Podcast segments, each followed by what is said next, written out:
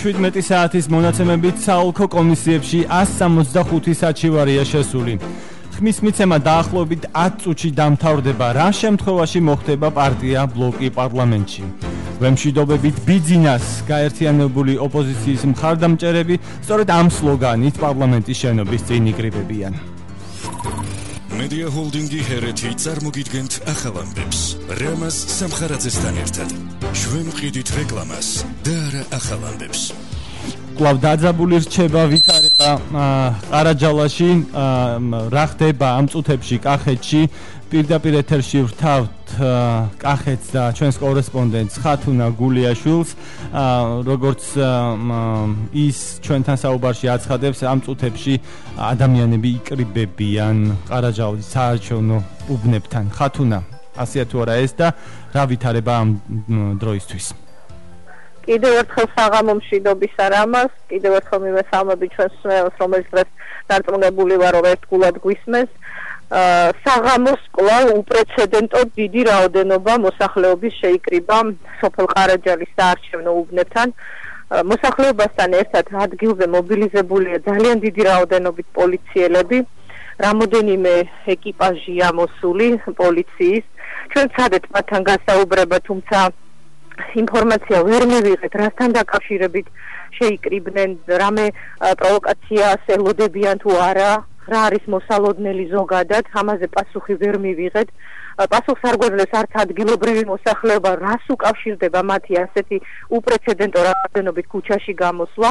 მინდა გითხრათ რომ ეთნიკური აზერბაიჯანების დასახლებულ სოფელ ყარაჯალაში არის 4 საარჩევნო უბანი. საკმაოდ დიდი სოფელია ძალიან მრავალი ამორჩევლით. დღეს ყარაჯელაში დილიდან იყო ვითარება რთული. ქრონოლოგიურად რომ შევახსენოთ ჩვენს მსმენელს ყარაჯელის საარჩევნო უბნებზე მყოფმა არასამთავრობო ორგანიზაციებმა გაავრცელეს ვიდეო მასალა რომლის თანახმადაც ყარაჯელის საარჩევნო უბნებზე ხდებოდა ამორჩევლის ნებაზე ზეგავლენის მოხდენა ბიულეტენების გარეთ გამოტანა პირადობის მოწმობების შემოწმება მას ამის შემდეგ ბუნებრივია აქ მობილიზაცია მოხდა მედიის და ყველა დაინტერესებული პირის და პოლიტიკური პარტიების. ადგილზე მოვიდა ერთიანი ნაციონალური მოძრაობის მაჟორიტარი დეპუტატობის კანდიდატი გიორგი ბოტკოველი რომელმაც გააკეთა განცხადება რომ თემის პროცესი რაც მიმდინარეობდა სოფელ ყარაჯალაში უკავშირდებოდა საქართველოს თავდაცვის მინისტრ ირაკლი ღარიბაშვილს. ირაკლი ღარიბაშვილის ახლო ნათესავი ალექსანდრე თამაზაშვილი სულ მალე გამოჩნდა ყარაჯალის საარჩევნო უბნებთან.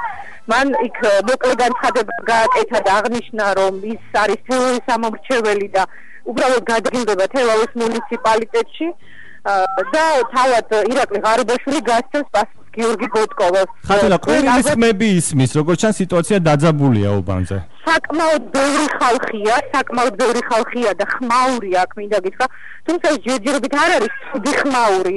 და დაზაბულ და ერთმანეთთან არა ერთმანეთს არავინ ედეობა, მაგრამ საკმაოდ ბევრი ხალხია და ბუნებრივია აქ არის ხმაური. ანუ საარჩევნო უბანში უბნებთან ეხლა არის რიგები, ამომრჩევლები ელოდებიან ხმის მიცემას. არ არიან ამომრჩევლები, რა გინდა გითხრა.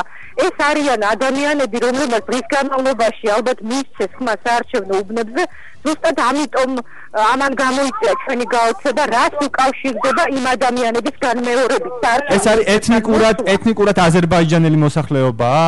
აა ეს არის სულ ეთნიკურად აზერბაიჯანელი მოსახლეობა, ადგილობრივი მოსახლეობაა გამოსული, მინდა გითხრა. და სწორედ ამას ამბობდა გიორგი ბოტკოველი, როდესაც აცხადებდა, რომ შეხვედრა ადგილობრივ მოსახლეობასთან ჰქონდა სწორედ თავდაცვის მინისტრ ირაკლი ღარიბაშვილს რამოდენიმე დღის წინ თელავის სასტუმროებში და შემდეგ ადგილობრივ მეჩეთში. გარდა ამისა, არ მინდა გამოვჩეს და იყო ძალიან მნიშვნელოვანი ფაქტი, როდესაც ჩვენ აქ მოვედით 38 და 39 საარჩევნო უბნებთან, რომლებიც ერთმანეთის გვერდი გვერდ არის განლაგებული, იყო გაჩერებული სამარშრუტო ავტომანქანა და იქიდან იწვევდებოდა ტკბილეული და საკვები პროდუქტი. გაურკვევლის გაურკვეველი საქმიანობის მქონე ადამიანები ახორციელებდნენ ამ პროცესს. ბუნებრივია ვიკითხეთ და დავსვით ძალიან ბევრი კითხვა, თუმცა ვერ სამაზე მივიღეთ პასუხი. მოკლედ მინდა გითხრა, რომ დღეს ყარაჯელაში ძალიან ბევრი პასუხგაუცემელი კითხვა დაგროვდა. და ხადია რომ ამ საღამოს შეკრება ასეთი მოსახლეობის ასეთი უპრეცედენტო რაოდენობით რომლებიც სულ არიან ადგილობრივი თითქმის ადგილობრივები არიან თუმცა აქ რასაკვირველია იმყოფებიან უცხო ადამიანებიც რომელსაც სიმართლე გითხრათ ჩვენ სახეზეც ვერ ვცნობთ იმიტომ რომ არ არიან რეგიონის წარმომადგენლები უნებრივია ამან კიდევ უფრო მეტი კითხვა გაგამოიწვია სულ რამდენიმე წუთში საარჩევნო უბნები დაეხურება ვნახოთ რა ვითარება იქნება ყარაჯალაში ანუ მსმენელისთვის რომ დავაზუსტოთ ხათუნა შენ თქვი რომ არ არიან ადგილობრივები. ანუ ეს ადგილობრივი ანუ ეს ადამიანები ქართულად საუბრობენ თუ აზერბაიჯანულად საუბრობენ? არა რა საუბრობენ ქართულად მაგრამ არ არიან ადგილობრივები. რასაკვირველია ნუ მოკლედ რომ დავაზუსტოთ უ ძალიან დიდი რაოდენობა ადგილობრივი მოსახლეობის არის გამოსული და აი ამ მოსახლეობას შორის არიან ადამიანები რომლებიც არ არიან ადგილობრივი საუბრობენ ქართულად მაგრამ არ აშკარად არ არიან. არ ცხოვრობენ. კახეთში იმიტომ რომ ჩვენ აქ მედის წარმომადგენლები თითქმის ყველას ვიცნობთ და მათ არ არ ვიცით სახეზე და ვერ ამიტომ ვერ ვაზუსტებ ვინ არიან ეს ადამიანები. ნახოთ რა მოხდება ყარჯალში როგორ განვითარდება მოვლენები. აქ რამოდენიმე არასამთავრობო ორგანიზაცია მუშაობდა რომლებმაც ეს ფაქტები რაც დღეს ყარაჯალაში ხდებოდა მომრჩელის ნებაზე ზეწოლად შეაფასეს და დღეს ყარაჯალაში არსებული დარღვევები აღიარა თავად მეათე საოლქო საარჩევნო კომისიის თავმჯდომარემ რეზო გაიპაშუმა რომელიც მოვიდა საარჩევნო უბნებზე და გასცა მითითება რომ აღმოთხრილი იყო ეს დარღვევები. მან მე მედიასთან გააკეთა განცხადება, რომ დარღვევები აღმოფხრილიაო, თუმცა განაცხადა, რომ მას არ შეუძლია შეაკავოს ეს პროცესი და მოსახლეობის ქუჩაში გამოსვლა. მართლაც ვერ ვერ გეტყვით რას უკავშირდება აი ამდენი ადამიანის ერთდროულად საარჩევნო უბნებთან ყოფნა. წარმოუდგენლად დიდი რაოდენობა არის ადგილობრივების ქუჩაში, რომლებიც ამავდროულად არის იმედი მაქვს ხათუნა რომ მოგეცემა ამ ადამიანებთან მისვლის შესაძლებლობა და კითხვების დასმა თუ რატომ არიან საარჩევნო უბნზე დიახ. მაგრამ არავის არ სულს პასუხისგაცემა. მეუბნებიან რომ უბრალოდ არიან ქუჩაში გამოსული და მათ ამის უფლება აქვს. გარდა ამისა არავინ არ იცავს კორონა პანდემიისთვის დაწესებულ შეზღუდვებს. უდიდრესობას არ აქვს პირბადი, არ იცავენ დისტანციას.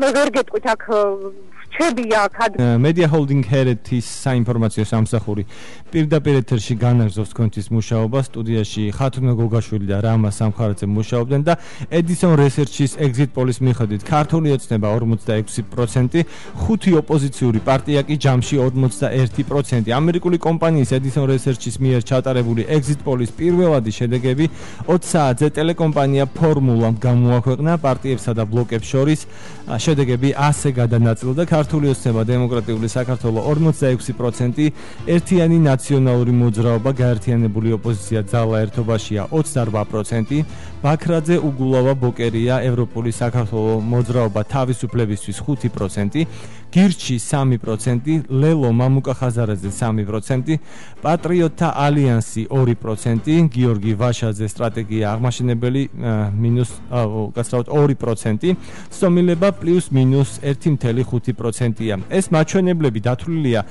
როგორც ტელეკომპანია აცხადებს 16 საათის მონაცემებზე დაყრდნობით 50%-ზე მეტმა რესპონდენტმა უარი თქვა პასუხზე, რაც ტელეკომპანიის და Edison Research-ის თქმით უპრეცედენტოა საქართველოს არჩევნების ისტორიაშიო და შესრულებული სამუშაო Edison Research-ის მიერ პროპორციულ პარტიული სიების ნაწილს შეეხება.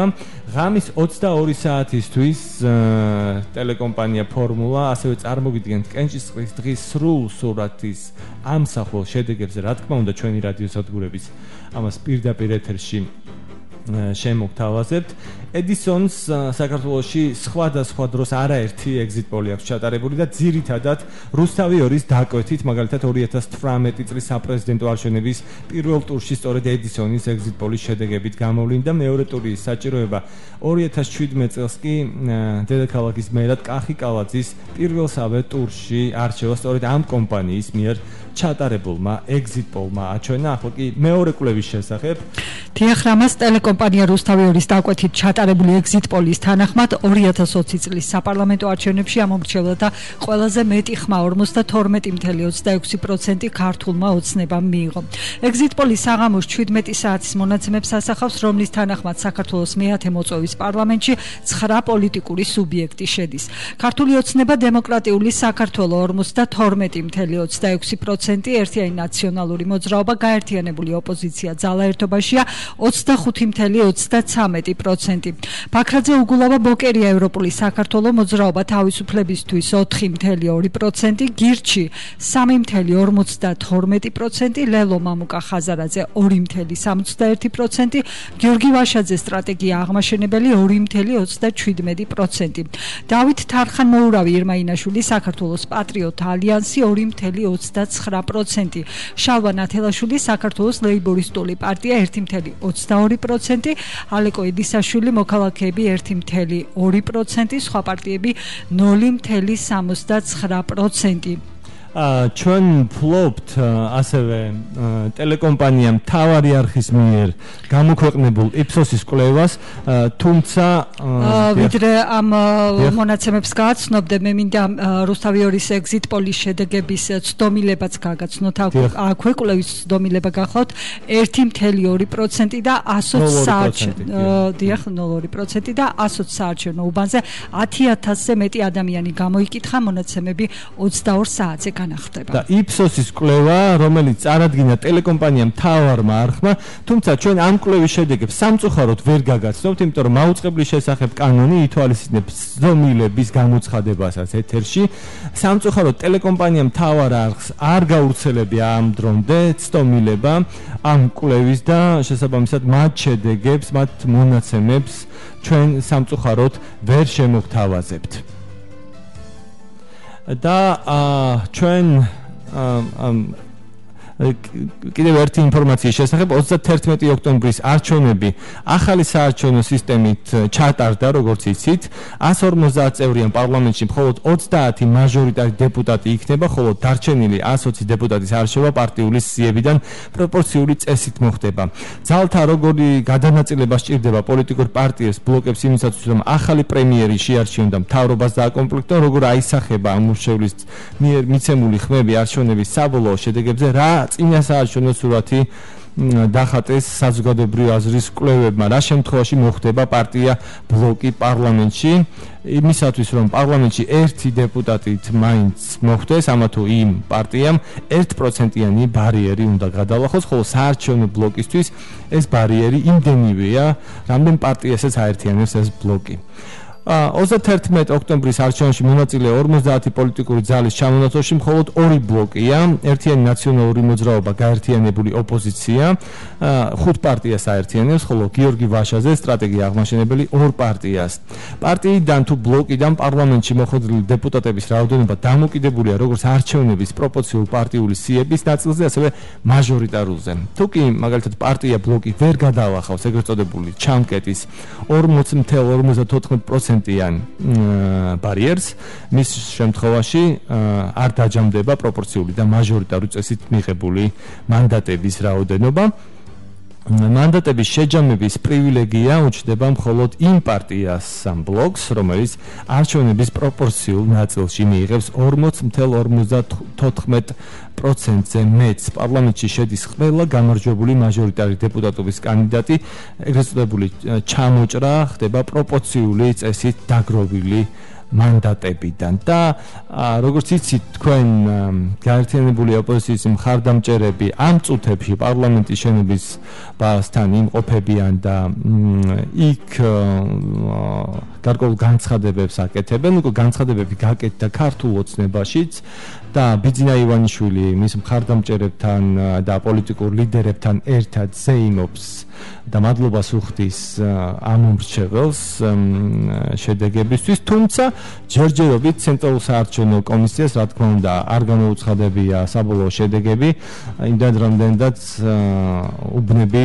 დაიხურა 8 საათისთვის, სულ რამდენიმე წუთია და ჯერჯერობით მიმდინარეობს სავარაუდოდ ხმების დათვლის პროცესი და როგორც რადიო ჰერეთთან ანა მიქელაძემ განაცხადა ონლაინ რეჟიმში ნებისმიერ მსურველს CS:GO-ს ვებგვერდზე შესაძლებლობა ექნება რომ დააკვირდეს ამ პროცესს და სხვადასხვა ოლქის მონაცემები წაიკითხოს მათ ვებგვერდზე ეს არის CS:GO.G აი სწორედ აი ამ ვებგვერდზე მოხდება აკუმულირება იმ ინფორმაციის რომელიც საქართველოს რეგიონებიდან შემოვა და მანამდე ვიდრე ამომრჩეველთა რიგები იქნება საარჩევნო უბნებთან ცესკოს ინფორმაციით ეს ამომრჩევლები ხმის მიცემას შეძლებენ პრესპიკერის ანა მიხილაძის განმარტებით. უბნის დახურვის შემდეგ რიგში მდგომი ამომრჩევლების მონაცემებს ჩაიწერენ და ამომრჩევლებს ასე შეიყვანენ უბანზე.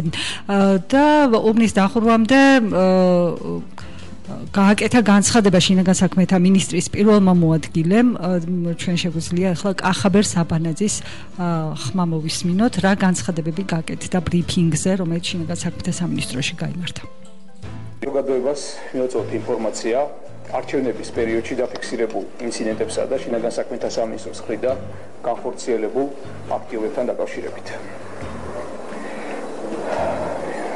გრანში ნომერ 39 საჯარო სკოლაში განთავსებულ საარჩევნო უბნის მიმდებარე ტერიტორიაზე მომხდარ ინციდენტთან დაკავშირებით პოლიციამ ადმინისტრაციული წესით 6 პირი დააკავა. ისანი სამგორის რაიონში ნომერ 176 საჯარო სკოლის მიმდებარე საარჩევნო უბანზე მომხდარ დაპირისპირებასთან დაკავშირებით ჯგუფურად განხორციელებული ძალადობის ფაქტზე სისხლის სამართლის კოდექსის 126-ე პრიმა მუხლის პირველი ნაწილით მიმდინარეობს გამოძიება.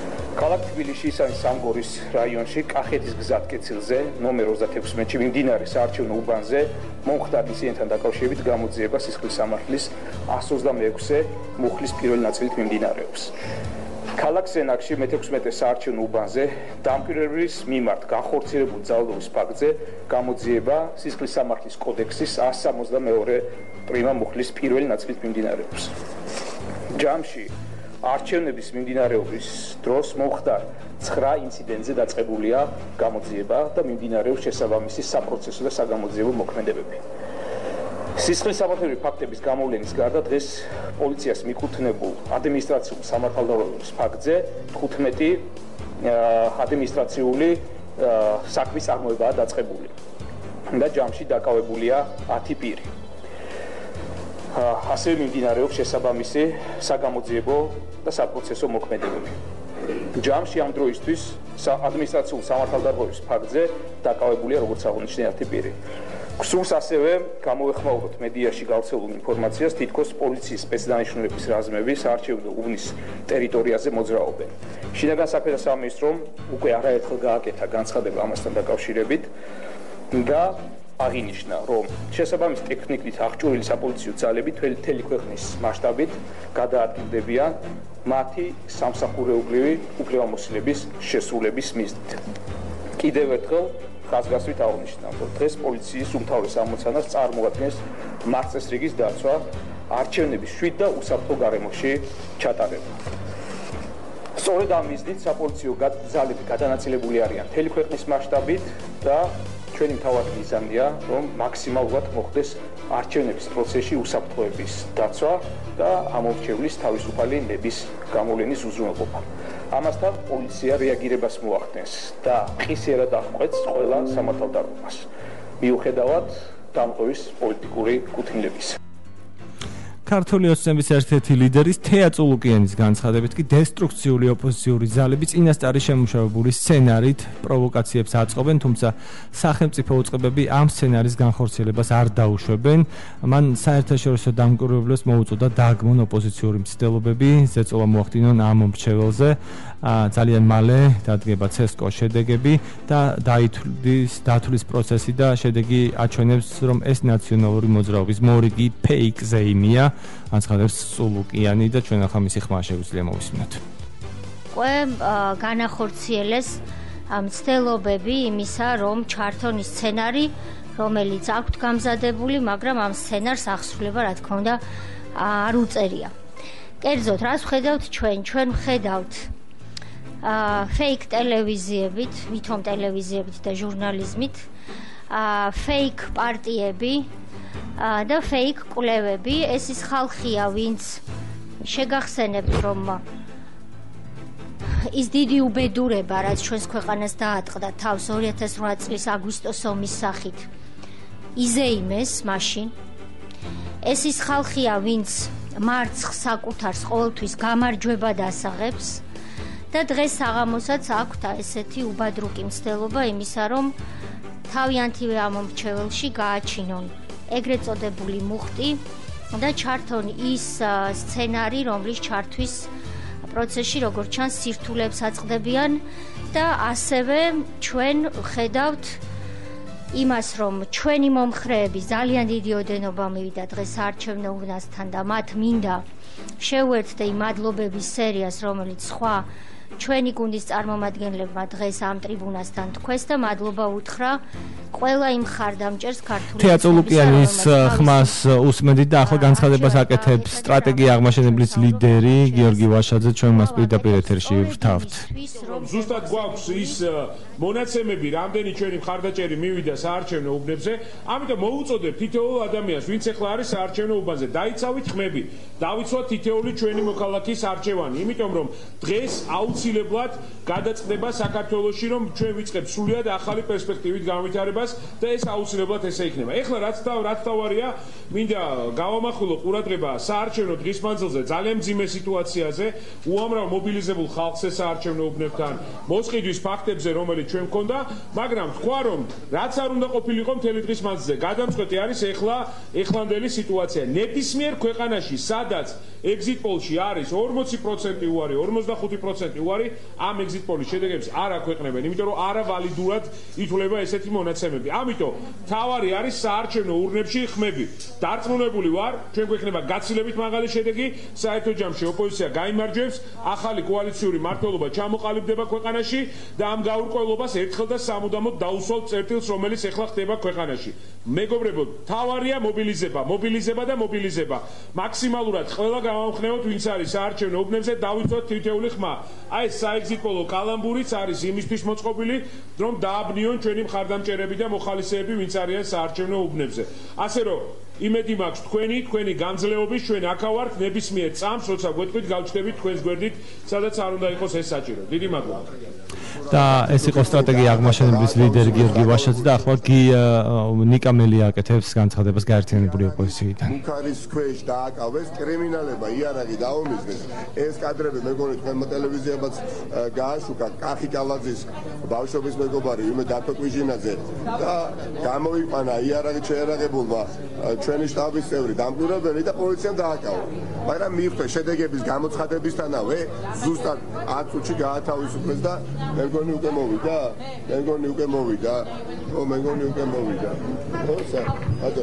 აა, ნიკა მელიას განცხადება იყო და ეხლა პირდაპირ ეთერში ვთავთ ზუგდიც და თეაშონია, სადაც ასევე დაძაბული ვითარება ჩვენი ინფორმაციის ზუგდიდის უბნებში ჩაქრა ელექტროენერგიაც გამორთეს ელექტროენერგია და უფრო მეც ახლა თეაშონია გვეტყვის თეა საღამომშვიდობისა.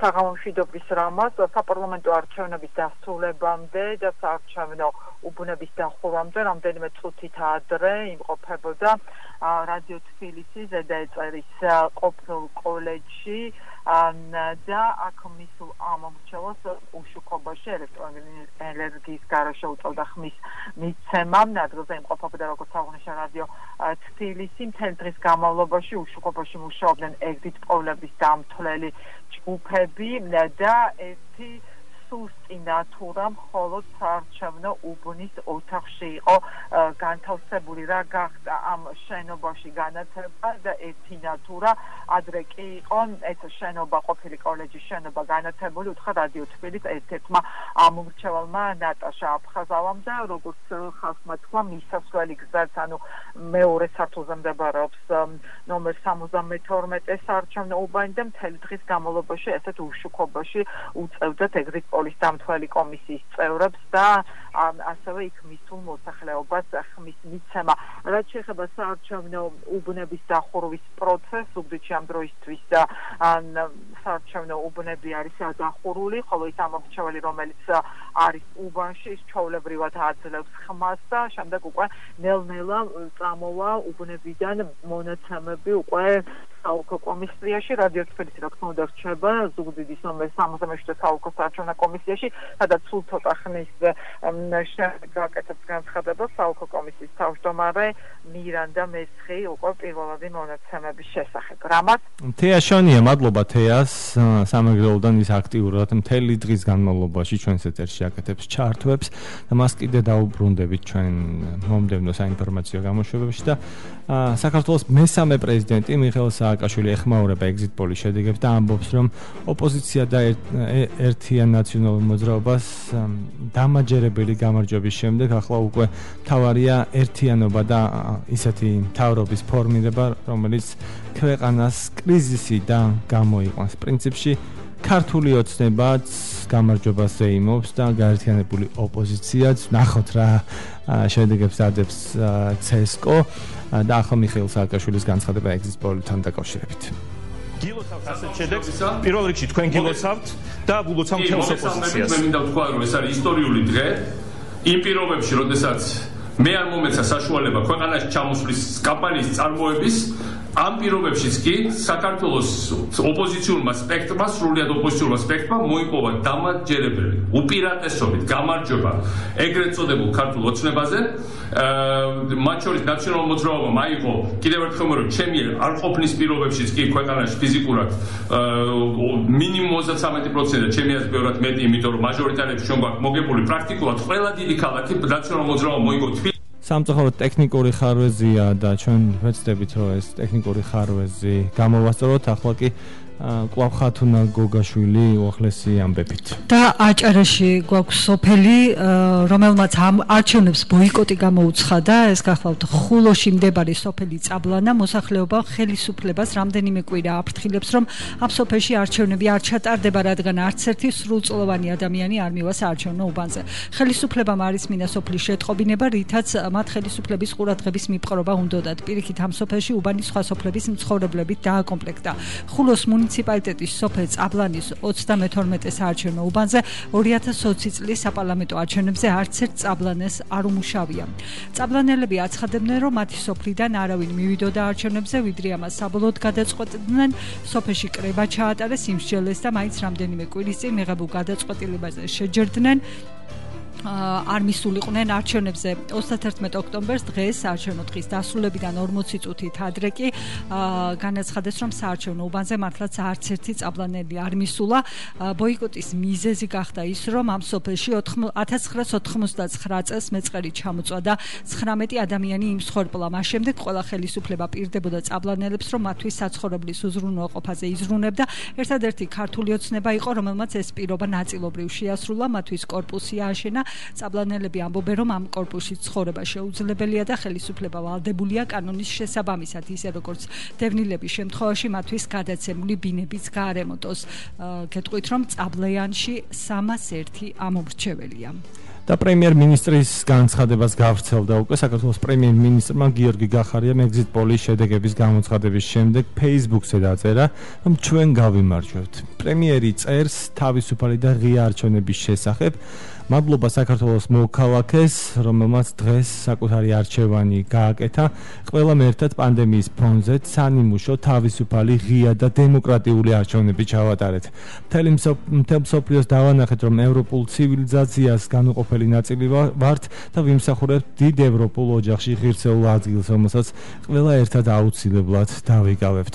მადლობა ყველა ცენტრალურ საარჩევნო კომისიას, რომელმაც უზრუნველყო თითოეული ამომრჩევლის ნების დაფიქსირება უსაფრთხო ხო გარემოში დამკვირვებლებს ჩვენ საერთაშორისო პარტნიორებს რომელთაც მონაწილეობაც ამ პროცესში უმნიშვნელოვანესი იყო. პოლიცია საზოგადოებრივი წესრიგის დაცვისთვის ჯერ ოფიციალური შედეგები არ გამოცხადებულა თუმცა უკვე ვიცით რომ დღეს გამარჯვა საქართველოს მოქალაქემ რომელსაც უნდა საკუთარი ქვეყნის წინსვლა მშვიდობიანი ევროპული მომავალი წერია პრემიერ-მინისტრის განცხადებაში, რომელიც მან Facebook-ზე გამოაყვენ, გამოაქვეყნა. დღეს 4 ტელეკომპანიამ ჩაადარა exit poll-ის შედეგები. ჩვენ სამწუხაროდ ვერ გაგაცნობთ თავარი არქის exit poll-ის შედეგებს, ვინაიდან ამ ტელეკომპანიას კანონმდებლობის მიხედვით, მაუწყებლის შესახებ კანონმდებლობის მიხედვით არ გამოუცხადებია ამ დრომდე კვლევის დომილება.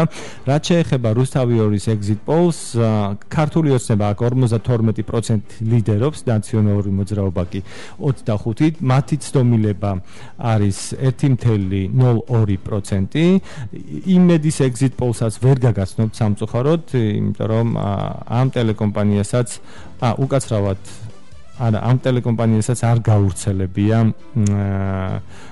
ცდომილების შედეგები რაც შეეხება Edison Research და ფორმულას, ამ ტელეკომპანიის ცდომილება არის 1.5%, ამ კვლევის უკაცრავად ცდომილება არის 1.5% და შედეგები კი ასე გამოიყურება: ქართული ოცნება 46% და ხუთი ოპოზიციური პარტია ერთად ჯამში 51%. კვლავ უბრუნდებით Edison Research-ის კვლევას და ვთავთ პირდაპირ ეთერში ტელეკომპანია ფორმულა, სადაც განცხადების გაკეთებისთვის ემზადება საარჩევნო მედია მონიტორინგის ცენტრი და იქ არის სულხან სალაძეც საიას თავმჯდომარე. და ჩვენ ამ მის განცხადებას ავარავდოთ პირდაპირ ეთერში მოვისვენთ. მანამდე კი შედეგები რომელიც გამოაქვეყნა ტელეკომპანია ფორმულამ ქართული ოცნება შეგრძნებთ 46%, ერთიანი ნაციონალური მოძრაობა, გაერთიანებული ოპოზიცია ძალა ერთობაშია 28%, აა ბაქრაძე უგულავა ბოკერია ევროპული საქართველოს მოძრაობა თავისუფლებისთვის 5%, გირჩი 3%, ლელო მამუკა ხაზარაძე 3%, პატრიოტთა ალიანსი 2%, გიორგი ვაშაძე სტრატეგია აღმაშენებელი 2% და კლევის ცდომილება 1.9%. პროცენტია. ეს მაჩვენებლები დათვლილია 16 საათის მონაცემებზე დაყნობით და ისტორიაში პირველად არჩევნების ისტორიაში პირველად exit poll-ებში 50%-ზე მეტმა რესპონდენტმა თქვა უარიო განაცხადა ტელეკომპანიამ და Edison Research-მა. და ეს კვლევა შეგახსენებთ რომ ფორმულამ სწორედ საერთაშორისო ავტორიტეტული კომპანია Edison Research-ის მიხედვით ჩაატარა და ახლა სულხან სალაძე საუბრობს მედია მონიტორინგის ცენტრში შედეგების შესახებ. დღის განმავლობაში დაძაბული ატმოსფერო იყო რაც გავლენას ახდენდა როგორც ამომრჩევლის ქცევაზე, ისე პროცესის მონიტორინგის შესაძლებლობაზე. ძალადობად ამომრჩევლის ნების თავისუფალი გამოვლენების მიმართულებით არსებული პრობლემები 2020 წლის საპარლამენტო არჩევნების ერთ-ერთი წამყვანი მახასიათებელია. ამას ემატება საუბნო საარჩევნო კომისიების არაორგანიზებულობა, რომელიც პანდემიის შესაკავებლად გამოცემული წესების აღსრულებას შეუძლებელს ხდიდა. ძირითადად დარღვევები შეეხო ამომრჩევლის სავარაუდო მოსყიდვის ფაქტებს, დამკვირვებლის მიერ უფლებამოსილების განხორციელების ხელშეშლას, მედიის საქმიანობის ხელშეშლას, უბანზე არარეგისტრირებული პირების მიერ ხმის მიცემას, მარკირების წესების დარღვევას და გადასტან საარჩევნო ყუთთან დაკავშირებულ დარღვევებს. ამ ნაწილს შეფასებასთან დაკავშირებით ხვალ ჩვენ კიდევ უფრო ცლად შემოგთავაზებთ. ამ ეტაპზე საიათ ადამიანურებო მისიის დამკვირვებელთა მიერ დაიწერა ჯამში 76 საჩივარი. აქედან 53 უბნის, ხოლო 33 ოლქის დონეზე. ცხადია, ეს არ მოიცავს უკვე ხმის დათვლის დროს საჩივრებს, ბუნებრივია ეს ინფორმაცია ჩვენ გვექნება ხვალ. 18 საათიდან 21 საათამდე პერიოდში დაფიქსირებული ყველაზე მნიშვნელოვანი დარღვევები შედარებით ცვლად მინდა რომ გაგაცნოთ და განსაკუთრებული ყურადღება გავამახვილო ორ მნიშვნელოვან ტენდენციაზე, რასაც ადგილი ჰქონდა დღეს. პირველი ეს გახლავთ ამომრჩევლის სავარაუდო მოსყიდვის ფაქტები. ქარელის 29 და მე18, ასევე ხაშურის 21 და 39 უბნებზე საიას დამკვირვებლებმა აღრიცხეს ამომრჩევლებისათვის თანხის ხელიდან ხელში გადაცემის შემთხვევები. ზოგ შემთხვევაში ეს ხდებოდა კენჭისყრის ოთახის მიმდებარედ არსებულ შენობაში, ზოგ შემთხვევაში იქვე გაჩერებული ავტომანქანიდან. თანხას ამომრჩევლებს გადასცემდნენ საარჩევნო უბნის დატოვების შემდეგ. დამკვირვებლების მიერ მოწოდებული ინფორმაციის საფუძველზე თანხის გადაცემაში სავარაუდოდ ქართული ოცნების ხარდამჭერები მონაწილეობდნენ. სამწუხაროა რომ ჩვენ წლებია არჩევნებთან ერთად მუდმივად გვიწევს ამომრჩევლის სავარაუდო მოსხდის ფაქტებზე საუბარი. დამკვირვებლის უფლებამოსილების განხორციელების ხელშეშლა. ჩვენ არაერთ ხელშეშლის ფაქტზე ვისაუბრეთ წინა პრესკონფერენციების დროს და ახლა გვინდა ერთ ძალიან მნიშვნელოვან საკითხზე გავამახვილოთ ყურადღება. სამგორის ოლქში საიას მობილური დამკვირვებელი მთელი დღის განმავლობაში სხვადასხვა უბანზე აკვირდებოდა კენჭისყრის პროცედურებს. მას შემდეგ, რაც დამკვირვებელმა დააფიქსირა დარღვევა მედია საშუალება ნიუპოსტის მიერ პერსონალური მონაცემების უკანონო დამუშავების შესახებ, გაერთიანებული ოპოზიციის წარმომადგენლებმა შეუქმნეს სტრული გარემო ყველა იმ უბანში, სადაც დარღვევის დაფიქსირების შემდეგ შევიდა. ამან არსებითად შეაფერხა ორგანიზაციის მუშაობა ამ ნაწილში. ამავდროულად მედია საშუალება ნიუპოსტი აგრძელებდა კანონსაწინააღმდეგო პრაქტიკას. აქ მინდა ხაზგასმით განვაცხადო, რომ ჩვენც არანაირი მნიშვნელობა არ აქვს ვინ უქმნის საიას დამკვირვებელს პრობლემას. ეს არის ოპოზიციის წარმომადგენელი, თუ ეს არის მართველი პარტიის წარმომადგენელი. ყველა ვალდებულია პატივისცეს დამკვირვებლის უფლებას, რომ მან კანონით დადგენილი წესით შეძლოს დაკვირვების განხორციელება. აქაც შემიძლია ვთქვა, რომ ჩვენ უახლოს მომავალ შევეცდებით უფრო მეტი ინფორმაცია მივაწოდოთ საზოგადოებას და მეტი დეტალი იყოს მათთვის ცნობილი. ასევე მარნეულის მეათე უბანში საიას დამკვირვებელს კომისიის თავმჯდომარე მიაყენა ფიზიკური შეურაცხყოფა არ მისცეს საჩივის დარეგისტრირების უფლება. სამწუხაროა რომ ამ არჩევნებზე უკვე შეგვიძლია ვილაპარაკოთ რომ კენჭისყრის დღე ერთ-ერთი რითაც იყო გამორჩეული სამწუხაროდ იყო დამკვირვებლებისათვის შექმნილი პრობლემები. მათ შორის, როგორც ხედავთ, რიგის დამკვირვებლო ორგანიზაციების ან კომისიის შესაბამისი წევრების მხრიდან არც ფიზიკურ ძალადობას, ფიზიკურ ძალადობის ძალადობაზე მორიდებას ჰქონდა ადგილი. სამწუხაროდ კვლავ დაფიქსირდა ჟურნალისტისთვის საქმიანობის განხორციელების ხელშეშლა. ამჯერად საუბარია აა გლდანში საარჩევნო უბნების მიმდებარედ საცხოვრებელ корпуსებთან უცნობი პირები ხელს უშლიდნენ ჟურნალისტებს გადაღებაში და მოუწოდებდნენ შეეწყვიტათ გადაღება. თელავის 38-მე საარჩევნო უბანზე სოფელი ყარაჯალა ტვპ-ველი ჟურნალისტები არ დაუშვეს, ხოლო პოლიციის თანამშრომლებმა განუცხადეს, რომ მოუწევდათ გამოკითხვაზე მისვლა იმის გამო, რომ ისინი ხელს უშლიდნენ კომისიას მუშაობაში. ტრადიციულად კვლავ იყო დარღვევები მარკირების და ხმის მიცემის წესების დარღვევის ნაწილში. მარტვილის 29 უბანში ნაკადის მომწესრიგებელის მიერ არ ხდებოდა მარკირების შემოწმება. გორის მეოცე უბანში მარკირება გაუქმდეს პირს, რომელიც არ იყო ამ უბნის ამომრჩეველი, რის შემდეგაც თავად კომისიის წევრებმა გადაიყვანეს გვერდზე მდებარე უბანში, სადაც მისცა ხმა. მარნეულის მეათე უბანში საარჩევნო უბანზე ამომრჩევლებს მარკირების გარეშე უშვებდნენ, რადგან საიამ საჩივარი დაწერა. ტრადიციულად ქვემოქართლი ამ დრომდე რჩება ცხელწერტი, რადგან ერთ-ერთი ყველაზე მაღალია დარღვევების მაჩვენებელი. გარდაბნის 21-ე უბანზე ამორჩებელ მახმამისცა როგორც გადასტანის საარჩევნო ყუთის მეშვეობით, ისე უბანზე მისვლით. საიამ დაწერა საჩივარი უბნის შეიძლება ითქვას რომ ახლა საინტერესოა პირადად მე ვუყურებ სულ ვინ ვისთან შეიძლება იყოს კოალიციაში ამ პარლამენტში. აი ამ შედეგების მიხედვით რომელიც ედისონის კვლევის შედეგად ჩვენ გვაქვს. თუ ნახეთ ცოტა ხნის წინ ჩვენ ნახეთ ოპოზიციის გაერთიანება რომლებიც ამბობდნენ რომ ბიზნეს ანუ ბიზნე ივანიშვილის წინააღმდეგ ისინი მზად არიან თანამშრომლობისთვის ხომ?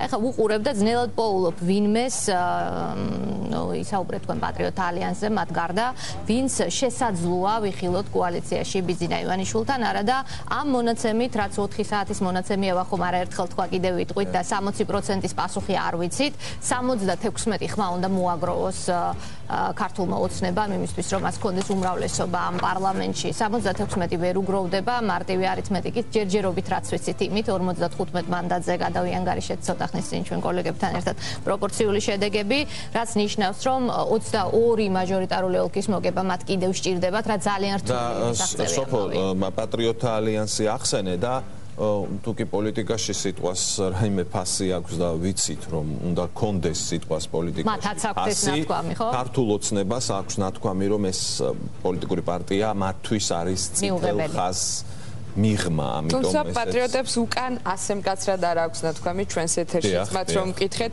მათ არ გამორიცხეს ქართულ ოცნებას პატრიოტებმა პატრიოტებმა არ გამორიცხეს.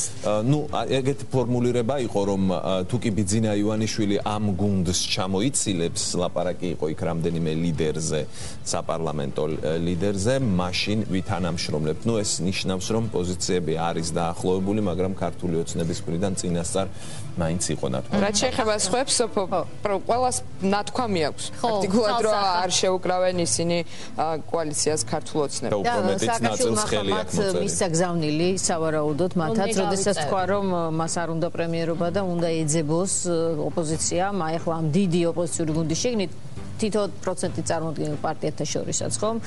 და მათი დაკომპლექტდეს ის სივრცე რასაც კოალიციური მთავრობა ერქმევა უკვე ოპოზიციურ ფლანგზე თუ კი მოხერხება ეს არის ტელეკომპანია ფორმულას exit poll-ები edison research-ის დაკვეთით. და ჟურნალისტები ახლა მსჯელობენ სწორედ edison-ის კვლევის გარშემო და ჩვენ რეკლამაზე გავალთ ახლა რეკლამის შემდეგ დაგიბრუნდებით უკვე მთავარი არხის exit poll-ის შედეგები არხმა უკვე დააზუსტა ცდომილება და ჩვენ გაგაცნობთ მათ მონაცემებს